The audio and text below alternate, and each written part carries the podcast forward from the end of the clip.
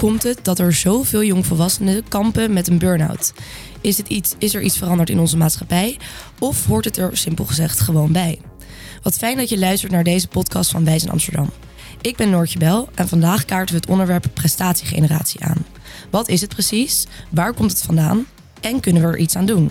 Genoeg te bespreken dus. Maar dat doen we gelukkig niet alleen. Ik ben hier met mijn collega Jessie. Jess, jij komt altijd uh, naar mij over als een hele relaxte jongen.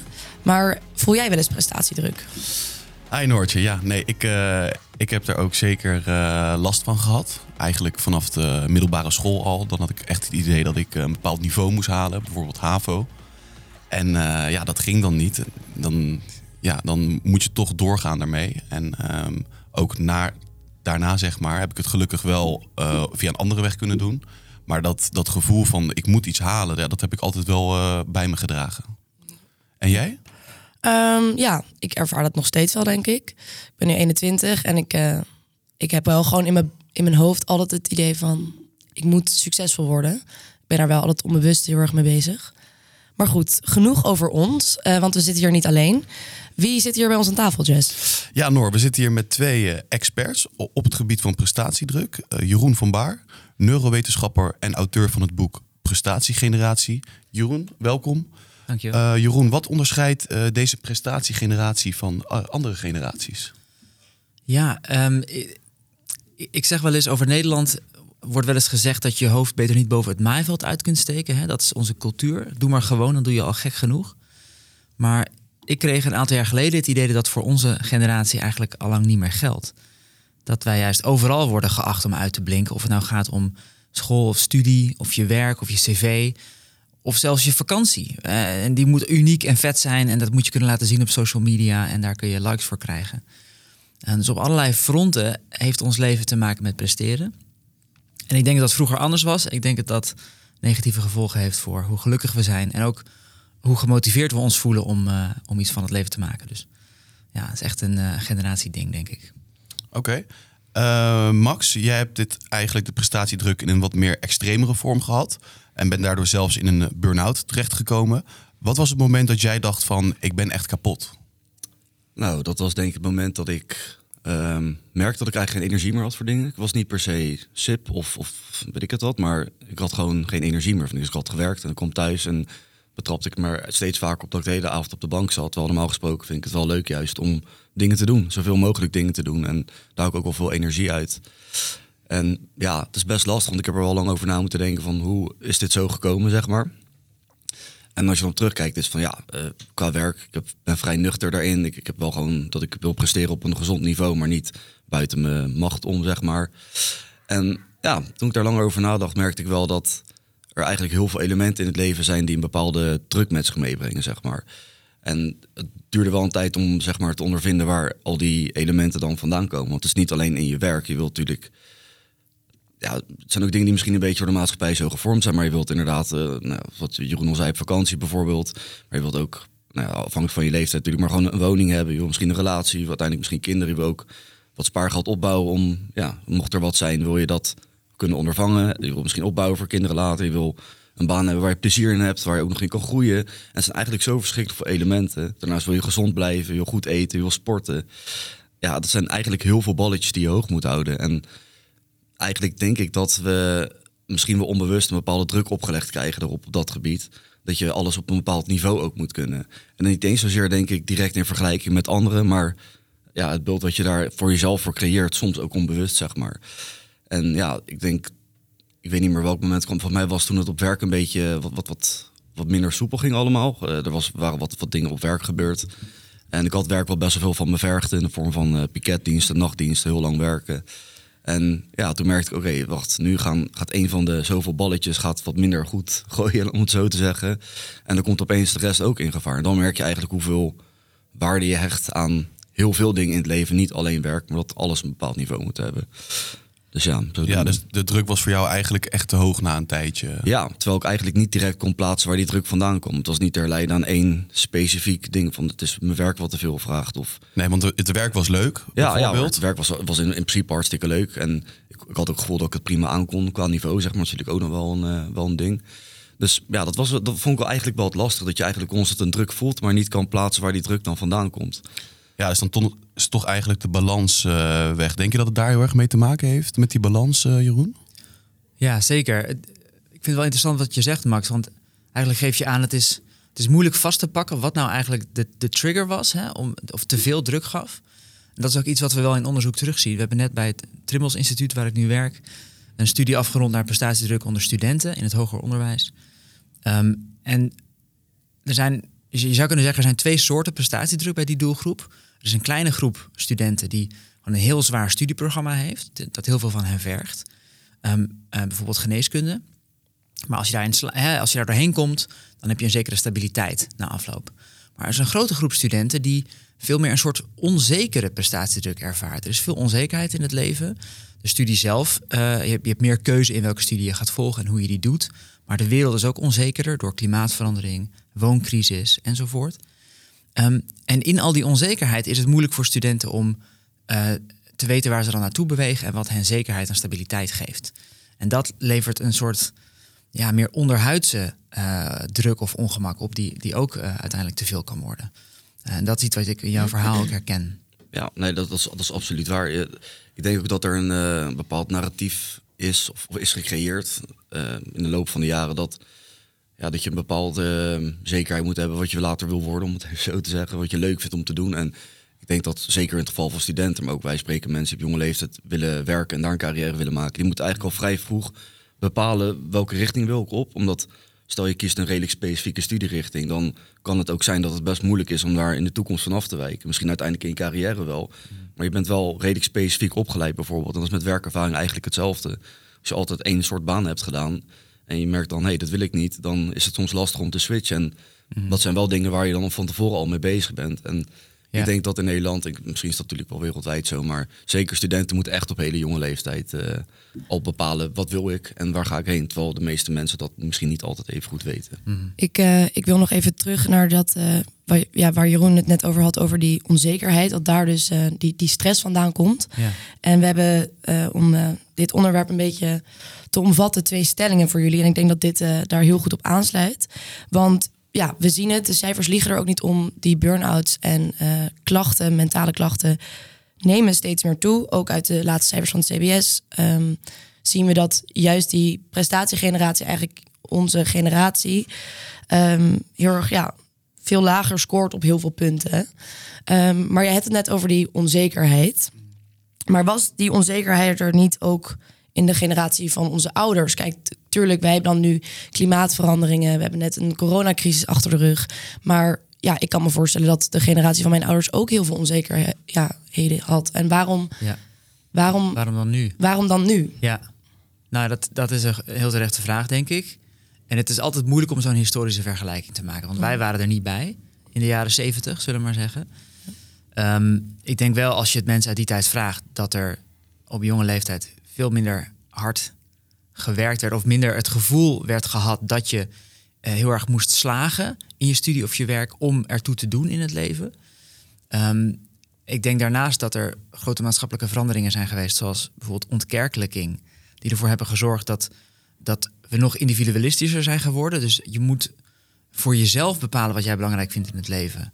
Voor jezelf de keuze maken welke, wat voor persoon je wil worden. Um, en daardoor is er ook niet echt een um, een structuur of een mal waarmee je kunt zeggen: nu ben ik goed genoeg. En dat gevoel van goed genoeg zijn, dat geeft ontspanning en rust. Um, we hebben minder manieren gekregen, denk ik, om dat gevoel te hebben. En daar komt er nog bij dat we ook sociale media hebben waarmee we onszelf kunnen vergelijken met anderen. En, maar aan de andere kant was er, ik denk in de, in de generatie van onze ouders nog veel meer kansongelijkheid. Ik denk dat onze maatschappij nu en vooral het land waarin we leven wel mm -hmm. ja, voor iedereen een kans heeft.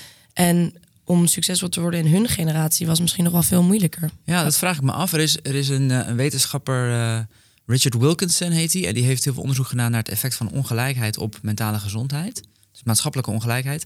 En hij laat zien dat meer ongelijke samenlevingen mensen meer gestrest zijn en minder gelukkig.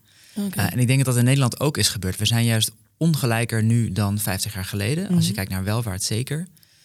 Um, en dat leidt ertoe dat het steeds belangrijker is om op die maatschappelijke ladder een bepaalde plek te verwerven. Als je onderaan zit is het stressvol, want je leven is eh, minder goed en onzekerder. Als je bovenaan zit is het ook stressvol, omdat je kunt vallen als je een verkeerde stap zet. En je wil niet dat iemand anders je plekje neemt. Precies, ja. Dus de, elke keuze die je maakt wordt belangrijk, omdat het gaat bepalen of je nog je stand kunt houden op die ladder. En Max, was dat voor jou ook zoiets? Was jij kwam die burn-out doordat je een beetje moest vechten voor je plek of dat je hoger op die ladder wilde komen? Nou ja, niet, niet echt in die zin. Maar denk, ja, wat Jeroen ook al zegt, de, ja, de samenleving is ontzettend veranderd. Zeker ten opzichte van vroeger bijvoorbeeld. Kijk, vroeger zal er vast ook wel zoiets geweest zijn, zoals prestatiedruk of iets in die richting. Maar ik denk in deze generatie dat de perceptie op, ehm, op, op leven en werk ook aan het veranderen is, zeg maar. En dat we daar niet altijd per, per se in meegroeien, zeg maar. Dus is het nog wel ik, ik denk, ja, misschien als ik bij mezelf kijk, ik ben nog wel redelijk opgegroeid door een bepaalde generatie die weer opgegroeid is door de naoorlogse generatie, mm. zeg maar. Wat, waar heel veel eer te behalen valt in werk. Als je zegt ik werk minimaal 40 uur, dan is dat iets goeds of zo. En dat is eigenlijk een soort uh, gedachte wat nooit getoetst is. Mensen hebben dat maar gewoon voor normaal genomen. Je moet veel werken, want dat is eervol. Maar ja, ik denk dat we daar steeds anders naar gaan kijken als mensheid. En hoe jonger we worden, hoe meer dat gaat schuren. Dat dat oude beeld eigenlijk gewoon aan vervanging toe is. En dat we gewoon inherent anders moeten kijken naar bijvoorbeeld werk of ja, wat je nou eigenlijk uit het leven wil halen, zeg maar.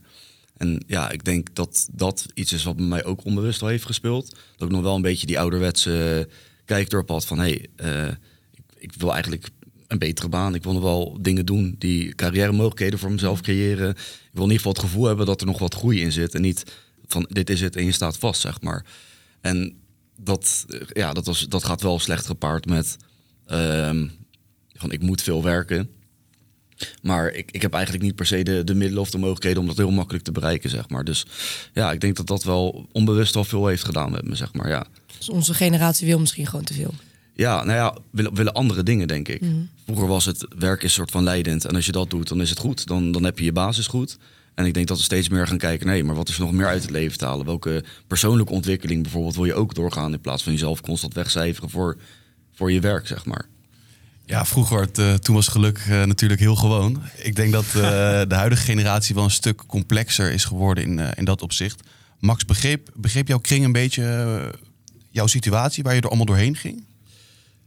Ja, ik denk, ja, dat is lastig natuurlijk te zeggen, want ja, men kan natuurlijk wel doen alsof ze dat begrijpen, maar misschien er toch een andere, uh, iets anders op nahouden. Maar op zich had ik wel het gevoel uh, dat in ieder geval, mijn vriendin die ging er heel goed mee om, dat, dat sowieso. En een deel van mijn familie ook wel. Maar ik had ook een paar familieleden die zijn inderdaad echt nog van uh, niet lullen maar poetsen, zeg maar. Gewoon werken en ja, zak het op en ga gewoon verder, zeg maar. Ja. En ja, pas toen ik echt heel erg ging uitleggen wat ik dan meemaakte en voelde en waar dat door kwam. Toen zag ik dat er wel begrip kwam. En wat ik wel interessant vond, is dat op een gegeven moment merkte ik dus dat na verloop van tijd, en ik zeg niet dat dat het per se gekickstart heeft, maar dat hun perceptie langzaamaan ook daarop begon, uh, in begon te veranderen, zeg maar. Natuurlijk heb je bijvoorbeeld in de psychologie... Perceptie op wat?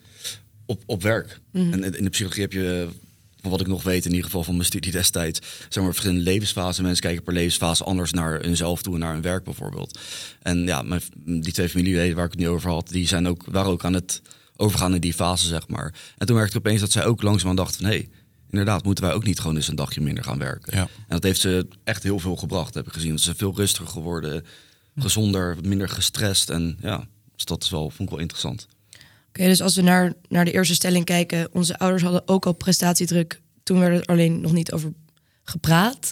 Kunnen we misschien zeggen dat dat te ontkrachten is, omdat wij gewoon in een andere generatie opgroeien en voor veel meer dingen willen leven en veel meer dingen willen bereiken dan zij misschien? Zeg ik dat goed, Jeroen? Of? Ik weet niet of we meer dingen willen bereiken. Ik denk wel dat, we, dat er meer het gevoel leeft dat je dingen moet bereiken. Omdat je leven anders uh, minder waard is. Ja. Saai, is. Saai, of, ja. ja. ja. ja. Okay. Max, ben je het ook mee eens? Ja, ik, ik denk het wel. Dus ik denk dat het bijna niet te vergelijken is. Wat, wat Jeroen ook al zegt, wij zijn nu blootgesteld aan zoveel meer informatie en, en, en beelden en vergelijkingsmateriaal. Dat, ja, dat, er is veel meer om, om, rekening mee te houden dan dat je vroeger alleen in je eigen dorp werkte en daar leefde, zeg maar, alleen de mensen daar kenden bijvoorbeeld. Ja. ja. Uh, de volgende stelling, Noortje, zei die uh, willen Ja, zeker. Want um, die, uh, die prestatiegeneratie die gaat inderdaad niet onopgemerkt. Um, en er worden nu ook een aantal maatregelen voor genomen vanuit, vanuit de overheid. Um, dat is ergens natuurlijk een goed ding om ons een beetje te helpen daarmee. Maar aan de andere kant houden dan niet te veel ja, de hand boven de hoofd van onze generatie, zeg maar, moeten we wel hun in dat opzicht zo helpen. Dus de, de tweede stelling is: door een hand boven het hoofd te houden van jongvolwassenen, leren ze niet met stress omgaan. En een goed voorbeeld daarvan is bijvoorbeeld een nieuwe wet rondom eh, het BSA. BSA is dus eh, het ja, minimale studiepunten wat je in je eerste jaar van je studie moet halen. Dat gaat van 45 punten naar 30 punten. En dat is om, eh, om jongeren en jongvolwassenen minder, ja, een minder stressgevoel te geven. Maar aan de andere kant kan je, valt er ook weer te zeggen van. ehm, daarmee ja, sch- schuif je die stressmomenten eigenlijk Ja. alleen maar uit. En die gaan ze uiteindelijk in hun leven toch wel ehm, krijgen. Dus als je nu de weg voor hun, eh, ja, het gras voor hun gaat maaien, ja, uiteindelijk komen ze er toch, eh, toch achter hoe dat is. En misschien komt die klap dan wel veel harder aan. Jeroen, jij had het net over een nieuw onderzoek, wat, eh, wat dus ook naar studiestress keek. Ehm, ja, wat vind jij daarvan, van die BSA-verlaging? Ja, ehm, wat je omschrijft doet een beetje denken aan het idee van de curling-ouder. Ja, De ouders die eh, al het pad voor, het, voor de voeten van het kind Mhm. helemaal schoonmaken, zodat het kind gewoon rechtstreeks naar het doel kan. Ehm, en eh, ehm, ik denk inderdaad dat het, dat het belangrijk is om te leren dat je op je bek kan gaan en dat dat ook oké is en dat je daar, daar dan sterker weer uitkomt. Maar er moet wel een omgeving zijn waarin je veilig kunt falen. En een binnen studieadvies is overigens wa- was er niet altijd, dus eind jaren negentig ingevoerd, is op sommige universiteiten. Ehm, en dat soort, mijns inziens, mijn persoonlijke mening, voor een situatie waarin je niet veilig kunt falen. Als je één jaar het niet goed gaat in je studie, dan moet je er meteen mee kappen. Ehm, het niet halen van een vak is ook al falen en dat kan, dat is prima. Dus dat kan best veilig. Hè, als je dan nog met je studie door kunt gaan, dan krijg je nog steeds die feedback en dan kan je er nog steeds van leren. Dus een binnen studieadvies is niet. we Het is goed om, om te falen en, die, en dat moet ook mogen, maar dat hoeft niet een aanleiding te zijn om nieuwe instrumenten in te voeren die ons nog harder laten falen. Ja. Eh, dat, dat, dat is geen gezonde manier van leren. dus misschien is het juist wel een manier om beter om te kunnen gaan met stress. Dat, dat verlagen van het BSA. Omdat ze dan Ja, wel op een gezonde manier kunnen falen en op een gezonde manier stress kunnen ervaren. Ja, maar niet eh, er meteen. eh, En dit is maar één voorbeeld. Hè. In, in de brede zin Mhm. is het zo dat ons leven onzekerder wordt. En dat we eigenlijk aan de andere kant steeds meer voorspelbaarheid hebben. Dat is een heel gekke soort paradox. De wereld is minder zeker dan, laten, laten we zeggen, in de jaren negentig. Voor Nederland dan. Ehm, maar we hebben ook steeds meer informatie over alles. We weten altijd waar onze vrienden zijn. Als je naar de kroeg gaat, weet je precies wie daar gaat zijn en hoe laat ze er zijn. Je kan elke route op je telefoon opzoeken als je op vakantie bent. Je weet van tevoren hoe het hotel eruit ziet. Dus we hebben ontzettend veel kennis. En daardoor worden we minder blootgesteld aan onzekerheid in het dagelijks leven. En toch moeten we leren dealen met die grote existentiële onzekerheden. En, en nou, daar, daar moeten we een soort nieuwe balans in vinden, denk ik. En dat geldt ook voor, eh, voor, voor studenten die, die, ehm, nou ja, die, die moeten leren falen, zodat je dan beter kunt omgaan met de onzekerheid die toch wel gaat komen in het leven. omdat er eigenlijk in de kleine dingen weinig onzekerheid meer zit. Ja, Dat er niet heel Ja, veel meer aan inderdaad. Daar moet je dingen niet kapot regelen. de. Nee. En het stukje controle hoort daar dan natuurlijk ook bij, denk ik. Ja, En zou je dan zeggen van, ehm, moet je, moeten, we dat, moeten we meer controle hebben over dingen of juist minder? Nou, ehm, ik denk dat, we, dat minder controle goed zou zijn, omdat dat ons leert om dan zelf om te gaan met situaties die je niet van tevoren ziet aankomen. Dus het Ehm, loslaten eigenlijk. Ja, ja. Max, ben jij, hoe ben jij met controle en eh, dingen Je loslaten? maakt het heel abstract hoor. Maar, eh, Ja, Ja. ja. ja dat, dat, dat, dan ga ik wel iets meer naar de, de oplossing toe alweer, denk ik. Maar eh, ja, uiteindelijk draait het denk ik ook heel erg, heel erg om perceptie op dingen, zeg maar. En bijvoorbeeld de hand boven de hoofd, eh, hoofd houden. Wat, wat bedoel je daar precies mee? Nou, inderdaad, ik denk dat ik ook een beetje even naar, re- refereerde naar die, naar die curling-ouders. Dat, ehm, ja, dat er eigenlijk niks in het leven fout mag gaan. Ja. eh, om zo ja, zonder krasje of schammetje bij je einddoel te komen. En eh, ja, ja, in je boek Prestatiegeneratie praat jij bijvoorbeeld ook over hoe ouders heel eh, hysterisch doen als hun kind niet naar het VWO gaat bijvoorbeeld. mhm. En dan super dure bijlessen krijgt om ze daar uiteindelijk toch nog te krijgen. Ja. Ja, ik denk dat dat het alleen maar verhoogt. En dat is misschien ook met zo'n BSA zo. Dat is uiteindelijk ehm, ja, ingesteld Om, om toch een soort meetlat te krijgen van... ja. kan jij dit niveau aan? Als dat niet zo is, ook niet erg. Maar moet je wat anders gaan doen. Ja. Ehm, maar misschien is dat dan... Ja, dat is dat toch weer een manier om mensen... Nou, weet je, het, het, ehm, De studie is al veel eisend, het leven is ingewikkeld, dat hebben we net uitgebreid besproken. Maar als je dan tegelijkertijd ook de regels strenger maakt, door te zeggen dat als, het, als je een misstap begaat, dat het dan een groot effect gaat hebben, zoals je moet je studie verlaten, dan maakt dat mensen nog gestrester om met die hindernisbaan uh, om te gaan. Dus ik denk dat we, dat we een soort zachte leeromgeving moeten creëren. waarin je wel op je bek kunt gaan, maar dat je daarna weer door kunt en iets over jezelf hebt geleerd. Want laten we het niet vergeten: falen is ontzettend goed voor je, omdat je um, over jezelf leert wat je nodig hebt om uh, door te kunnen op je pad en ook wat je wil. Dus dat moeten we zeker niet uh, voorkomen. Ja, dus falen, maar niet meteen. Uh... Precies. En ik denk ook dat de, de perceptie zeg maar, op, op studie of hoog opgeleid zijn zeg maar, best wel anders zou kunnen. Want als er altijd maar van iedereen wordt verwacht, iedere jongen een bepaald niveau te behalen. En vervolgens wordt er op iedere manier alles in, in, werking gesteld om dat ook te kunnen behalen. Bijvoorbeeld denk aan leningen en noem het maar op. Of, dan het verlagen van die BSA, noem het maar op. Dan, dat is zeg maar eigenlijk een soort systeem die inderdaad zorgt dat iedere jongere ook zeg maar in dat narratief kan blijven zitten, zeg maar. Want wij geven je alle mogelijkheden om wel te gaan studeren. En als je dat dan uiteindelijk toch nog niet kan, precies. dan heb jij gefaald. Maar alleen omdat alle mogelijkheden er zijn en omdat je een soort van uh, de veronderstelling bent dat dat ook moet, betekent niet dat dat ook goed is om te doen. Of dat je, ja, dat dat iets is waar je dan gelukkig van wordt, bijvoorbeeld. Oké, okay, dank jullie wel, uh, jongens. Ik denk dat we een goed beeld hebben gekregen van de prestatiegeneratie. Uh, hoe komen we hier weer uit? Is daar nog een oplossing voor? Max, wat heeft jou er uiteindelijk bovenop gekregen? Nou, wat mij er bovenop heeft gekregen is dat ik heel goed ben gaan nadenken over eigenlijk iedere, ieder individueel, aspect dat mij een soort van ja, dan die, die druk oplevert. En toch gaan kijken, waarom vind ik dat nou zo belangrijk? Waarom hecht ik er zoveel waarde aan? Is het omdat ik het voor mezelf belangrijk vind? Of kijk ik naar mezelf door de ogen van anderen, zeg maar? Dus ik ben eigenlijk heel anders naar uh, het leven gaan kijken, zeg maar. Dus waarom moet ik een bepaalde baan hebben? Waarom moet ik zoveel uur werken? Waarom moet ik, ik moet gewoon doen waar ik gelukkig van word? En dan, dan ga ik maar een keer op de bank liggen en dan doe ik niks. Ik bedoel, daar wordt de wereld geen slechtere plek van. Dus ja, eigenlijk, het klinkt een beetje als een uh, abstract en uh, antwoord, maar het is echt letterlijk hoe, hoe, kijk je zelf naar dingen? Hoe interpreteer je dingen? Als je een keer een fout maakt of je, haalt je studie een keer niet of het lukt of werkt niet of werkt te lastig, dat is niet iets ergs dat, dat geeft helemaal niet. Het leven stort niet in. Nee, maar naar het grotere plaatje kijken. Ja, herbak jezelf en focus op de belangrijke dingen. En ik denk dat er altijd een paar belangrijke dingen zijn in het leven. En als dat goed blijft gaan, je gezondheid Precies. enzovoort, dan, uh, dan moet je daar de focus op houden, denk ik. En Jeroen, heb jij nog een idee hoe we hieruit uh, kunnen komen? Ja, ik, ik ben het heel erg eens met wat Max zegt. Ik vind het mooi uh, om te horen. En ik, um, um, het doet mij altijd denken aan de ideeën in de psychologie over motivatie. Je hebt zeg maar intrinsieke en extrinsieke motivatie. Intrinsiek is vanuit jezelf iets doen omdat je het leuk vindt, belangrijk vindt. Extrinsiek is omdat je ervoor beloond wordt of gestraft als het niet gebeurt. Um, en ik denk dat een prestatiegerichte maatschappij onze aandacht heel erg verschuift naar die extrinsieke kant. En daar kan je zo in opgeslokt raken, als het ware, dat je er niet meer aan toe komt om stil te staan bij wat je zelf eigenlijk wil.